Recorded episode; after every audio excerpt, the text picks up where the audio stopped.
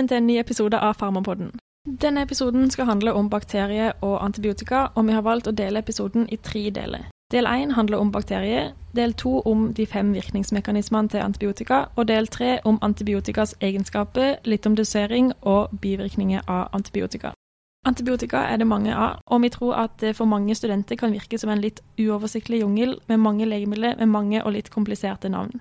Det er derfor helt perfekt at du, Karianne Wigård Gammelsrud, overlege på mikrobiologisk avdeling på Ullevål universitetssykehus, er med oss i dag og skal hjelpe oss med å få en oversikt. Karianne, vil du starte med å introdusere deg sjøl? Ja, det kan jeg gjøre. Eh, veldig hyggelig å være her. Dette er liksom min første podkast. Jeg føler meg litt kul. Ja. Ehm, jeg er, som du sa, overlege på avdeling for mikrobiologi. Eh, og det er jo særlig bakterier, da. Vi deler jo inn i seksjoner, for det er jo ganske stort fag. Og jeg hadde jo, det er sikkert derfor dere visste hvem jeg var, fordi jeg har jo jobbet som førsteamanuensis. Eh, egentlig ble det tre og et halvt år. Og så håper jeg kommer inn i det igjen, for jeg syns det er veldig gøy med undervisning, og dette er så viktig. Og antibiotika er så viktig, så dette gleder jeg meg til. Og så må jeg jeg si da um, jeg er mikrobiolog, men planen var jo faktisk å bli barnelege, barneonkolog. Um, så det kliniske er til stede hele tiden. Uh, og grunnen til at jeg endte opp i mikrobiologi, var rett og slett dette da jeg studerte, var før vi fikk en forskerlinje, men da gikk det an å søke om sånn studentstipend og ta et års permisjon fra studiet for å forske og se om man likte det. Og det gjorde jeg, og endte opp med et prosjekt hvor jeg da så på normalflora til kreftsyke barn for å se om det ble resistensutvikling over tid, og inkluderte også da etter hvert barn med cystisk fibrose og friske barn for sammenligning. Så da tok jeg gjentatte prøver av alle disse barna. Så jeg ble veldig godt kjent med barna, tok med alle prøvene inn på laben og gjorde alt labarbeid selv. Og det betyr at jeg liksom fikk hvor viktig det er for de som sitter på en lab å få det kliniske inn. Derfor er jeg så veldig masete om at vi må ha klinisk informasjon når vi får rekvisisjoner og prøver. Men også hvor viktig det er å få laben ut i klinikken. Her, eh, og vi, det er jo en stor del av vår jobb er jo veiledning til klinikere. Så vi snakker daglig med klinikere og har mange møter eh, med kliniske avdelinger som er faste. Så det er liksom eh, utgangspunktet. Ja, det er jo ikke alltid man ender opp der man hadde sett for seg å ende opp i starten. Dagens tema er jo veldig viktig, og vi begynner først med en liten introduksjon til det store temaet i dag, nemlig antibiotika. Kan du fortelle litt om hva antibiotika egentlig er? Ja, Egentlig er jo antibiotika en sekkebetegnelse, og det er da stoffer som skal virke mot um, det som gir oss infeksjonssykdommer. Og egentlig inkluderer det både virus, bakterier, sopp, parasitter. Men når vi sier antibiotika, så tenker de fleste på antibakterielle midler, og det er det vi skal snakke om i dag. Og det gjelder også litt når man sier antibiotikaresistens. Det kommer vi tilbake eh, i en annen podkast. Og det som er spesielt med antibiotika i forhold til alle andre legemidler vi tar, er at den virker på en tredjepart. Alt annet vi tar skal jo virke på et eller annet i kroppen vår og hjelpe oss, mens dette er jo egentlig en tredjepart som gir den infeksjonen. Som eh, er bra på en måte, for da får man kanskje en selektiv virkning og ikke så mye bivirkninger. Men det er jo ikke fullt så enkelt, det kommer vi tilbake til. Men det gjør det også litt mer komplisert, for det er ikke like målbart å vite akkurat hvor god eh, virkning det er alltid i kroppen, da. Og så er jo hjørnestein, altså antibiotika er hjørnestein i infeksjonsbehandling. Og det er en så viktig del av egentlig nesten all medisin. Kanskje hvis du skal bli psykiater eller radiolog, så trenger du ikke liksom å ha den, den kunnskapen, men alle andre deler. Så derfor er liksom, håper jeg at alle forstår det og rett og slett bruker den tiden, selv om man skal lære seg masse, for det vet jeg. Jeg har jo vært medisinstudent selv. Um, men det er faktisk verdt å bruke tid på. Ja, det her brukes jo av eh, mange, og som du sier, er viktig å kunne. Hvor mye brukes det egentlig? Har vi noe tall på det? Ja, Dette er jo ikke sånn jeg går rundt og husker, men vi har uh, tall og har masse målinger. Og um, nå legger vi jo ut litt ulike lenker, og det ene er til disse normrapportene som vi får hvert år. De første sidene er norsk sammendrag, så der får dere veldig mye informasjon på kort tid. Og så er det mange fine figurer både med uh, hvor mye man bruker totalt, forskjellen mellom primærhelsetjenesten og sykehus. Det, altså, den største delen er jo det er veldig mye mer brukt i primærhelsetjenesten enn sykehus. Men også ganske interessant å se forskjellen i type antibiotika som blir brukt mellom ulike sykehus i ulike steder av landet. Uh, og noe selvfølgelig skyldes at man er spesialsykehus, men det forklarer ikke alt. Det er tradisjoner ute og går, som jeg har sagt, sånn husets vin, og det må vi bli kvitt. Vi må bruke de midlene som faktisk er de beste. Ja. Ja, vi skal legge ut noen eh, linker på eh, Facebook og andre sosiale medier som du har gitt oss, så det er bra. Eh, men hvilket antibiotika er det vi bruker mest? Ja, Det er fortsatt heldigvis i Norge penicillingruppen som vi bruker aller mest, i motsetning til mange land som nesten ikke bruker det, for det er så mye resistens. Og da er det både denne bensylpenicillin eller fenoxymetylpenicillin, eh, men også disse betalaktamase stabile kloxacillin, og mesilinam er vel definert i den, for det er de smalspektrede. Så det er fortsatt eh, den største gruppen, heldigvis, men eh, litt forskjell om du er i sykehus og i allmennpraksis, selvfølgelig. Det er vi veldig glad for å høre, for vi har jo, de fleste av oss har nok kjent litt på det her med antibiotikaresistens som puste oss i nakken. Det tenker vi er et så viktig tema at vi har, skal ha en egen episode. Da kommer også du og prate litt om det. Og vi kommer eh, nærmere inn på penicillina senere i denne episoden. Men først antibiotika. For å kunne snakke om det, så må vi først snakke litt grunnleggende om bakterier. Hva er egentlig bakterier? Ja, det er jo da gjencellede organismer de vi kaller prokaryote, for de mangler en cellekjerne, som er liksom hovedforskjellen da, mellom våre eukaryote, men det er jo mange andre småforskjeller, selvfølgelig. Alle er jo omgitt av en cellemembran og en cellevegg, og i tillegg så har noen en yttermembran. Det kommer vi litt tilbake til. Så har de DNA, og det er jo egentlig sånn langt, stort sett sirkulært, men i tillegg så har man da veldig ofte små mobile elementer, det vi kaller um, plasmider. Og det som er med de plasmidene, er at de også inneholder mange gener, som både kan være virulensgener og resistensgener og andre gener. Det kommer vi også tilbake til, men det er kjempeviktig, for det har ikke, har ikke vi mennesker. Heldigvis, kanskje. Og så har også uh, de prokaryote, eller bakterier, har også ribosomer. De er jo litt annerledes enn våre, uh, og det gjør jo også at ribosomer da kan være et angrepspunkt. For de består av 50 S og 30 S subenhetene, mens mennesket har 40 og 60. Men det er bare greit å vite at mitokondriene har faktisk samme type eller veldig lignende ribosomer. Sånn at, eh, og det lurer man på kanskje er en av årsakene at eh, en del av disse proteinhemmerne ofte har litt mer bivirkninger, da. Og så um, er det dette med folsyre, og det er um, nødvendig for å kunne få byggesteinene til, um, til, å lage DNA, som de må produsere selv, da. Hva gjør at en bakterie kan gi en infeksjon?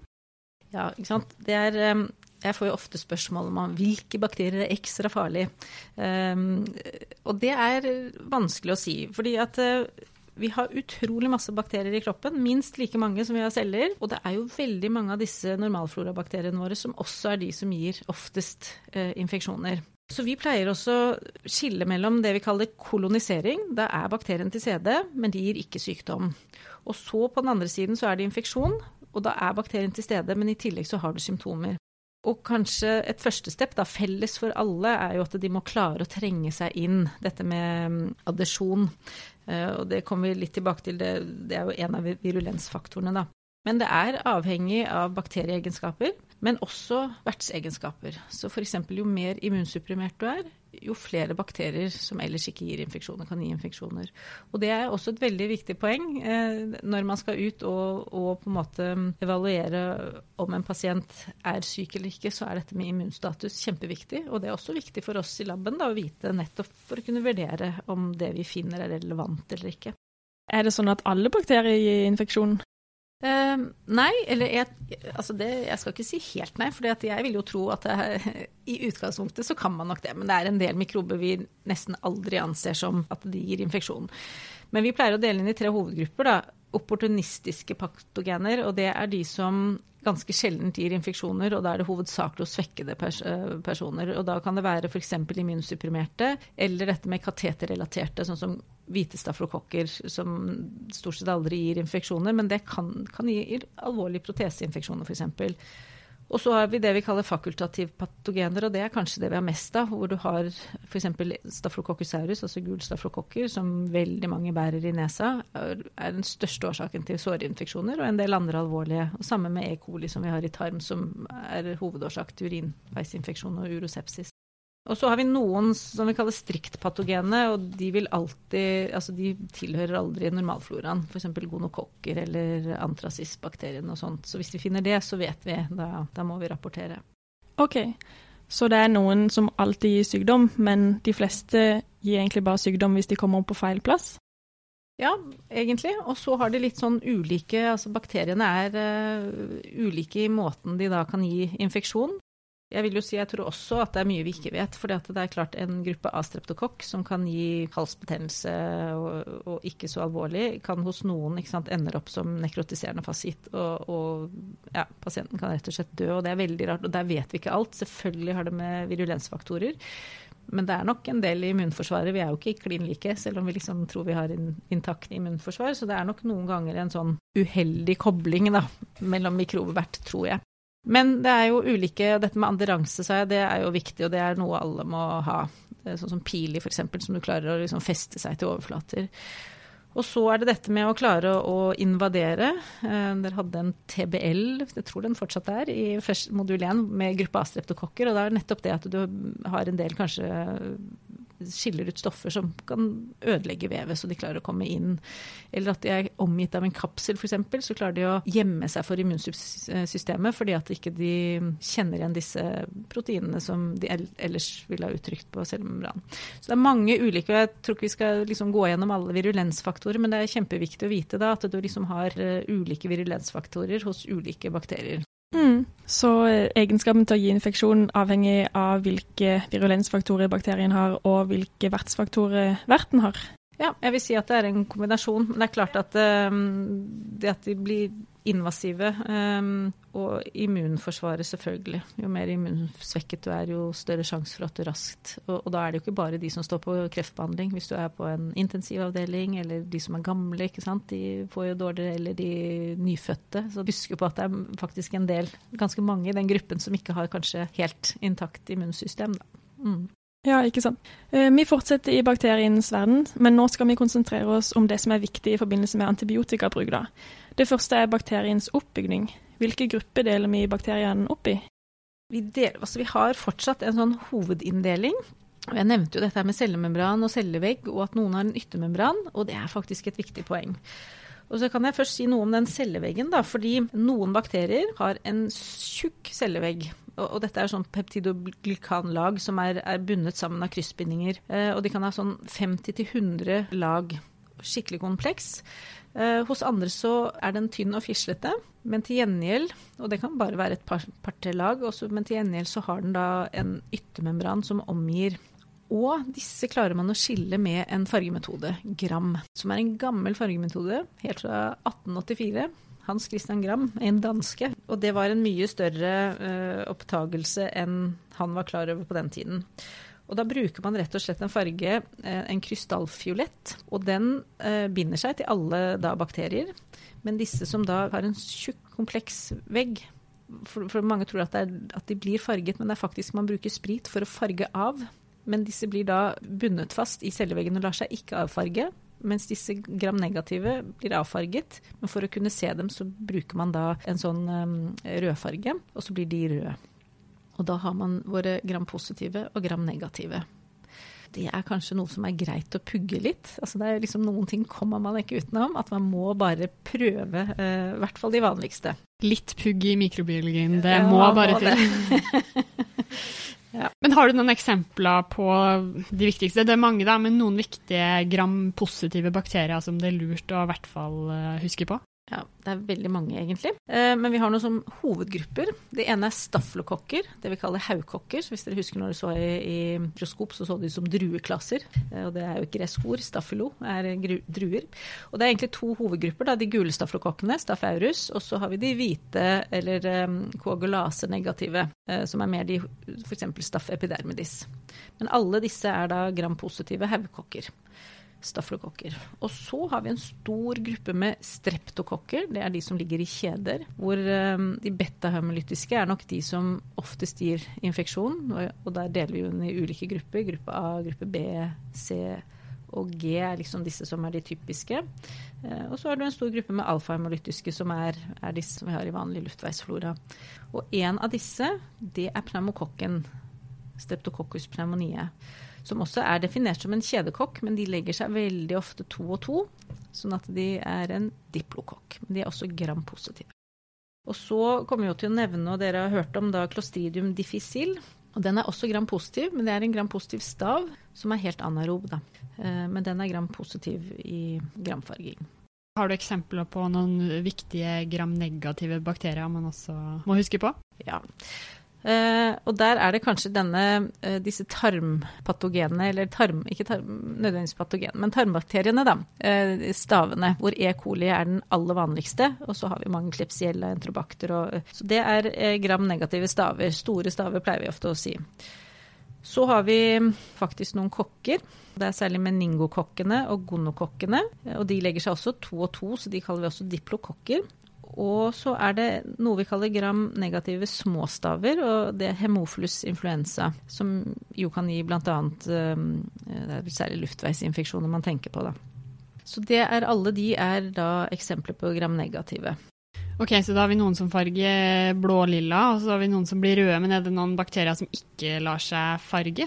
Ja, og det er fint at du spør om, fordi det er en del bakterier vi faktisk ikke kan uh, bruke vanlige fargemetoder på. og Derfor er det jo veldig viktig hvis man mistenker dette.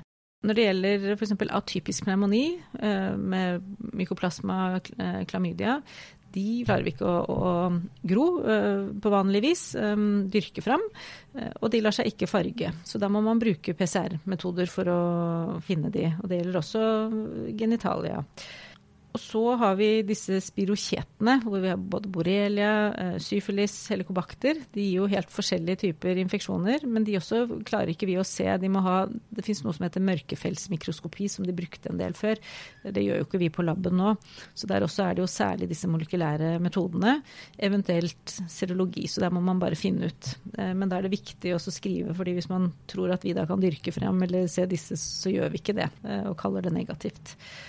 Og En annen stor gruppe er jo mykobakterier. og Vi har jo ikke tenkt uh, å snakke noe om de i forhold til behandling. Det er liksom en så spesiell gruppe. Da tror jeg vi må ta et enda en podkast. Uh, men de har jo en litt annen altså De er jo i utgangspunktet hvis, i anførselstegn gram-positive fordi de har en cellevegg og mangler yttermembran. Men den celleveggen er annerledes. Det er mye mer lipid og mykolsyre.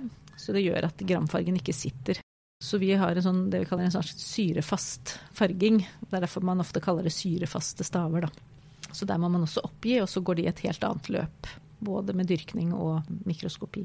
Vi vet jo at en av dine hvis du kan kalle det fanesaker, er jo at man må huske på å skrive en del klinikk på rekvisisjonene, og ikke bare et punktum som mange gjør, og så bare sende det til mikrobiologen. Men er det da ekstra viktig å skrive at man mistenker det her da, på rekvisisjonen, hvis eh, det er tilfellet? Ja, og så har vi jo på rekvisisjonen hjelpe litt til, i hvert fall disse papirrekvisisjonene, og alt er jo tilgjengelig også, at vi har egne kryss for mykobakterier, vi har egne kryss for klamydia og pertussis og sånne ting, sånn at man nettopp eh, Vi kan da velge riktig metode. Så det er helt riktig. Vi tar med oss at de gram-positive bakteriene har en tykk cellevegg og farges blå, f.eks. stafylokokka og streptokokka, mens de gram-negative bakteriene kun har en tynn cellevegg, men en yttermembran utenpå de her, og de farges rosa. Eksempler her er E. coli, meningokokka og gonoré. Og det er også noen bakterier som ikke farges.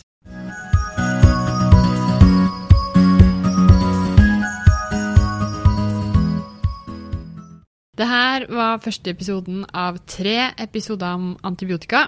I neste episode så snakker vi om de fem virkningsmekanismene til antibiotika.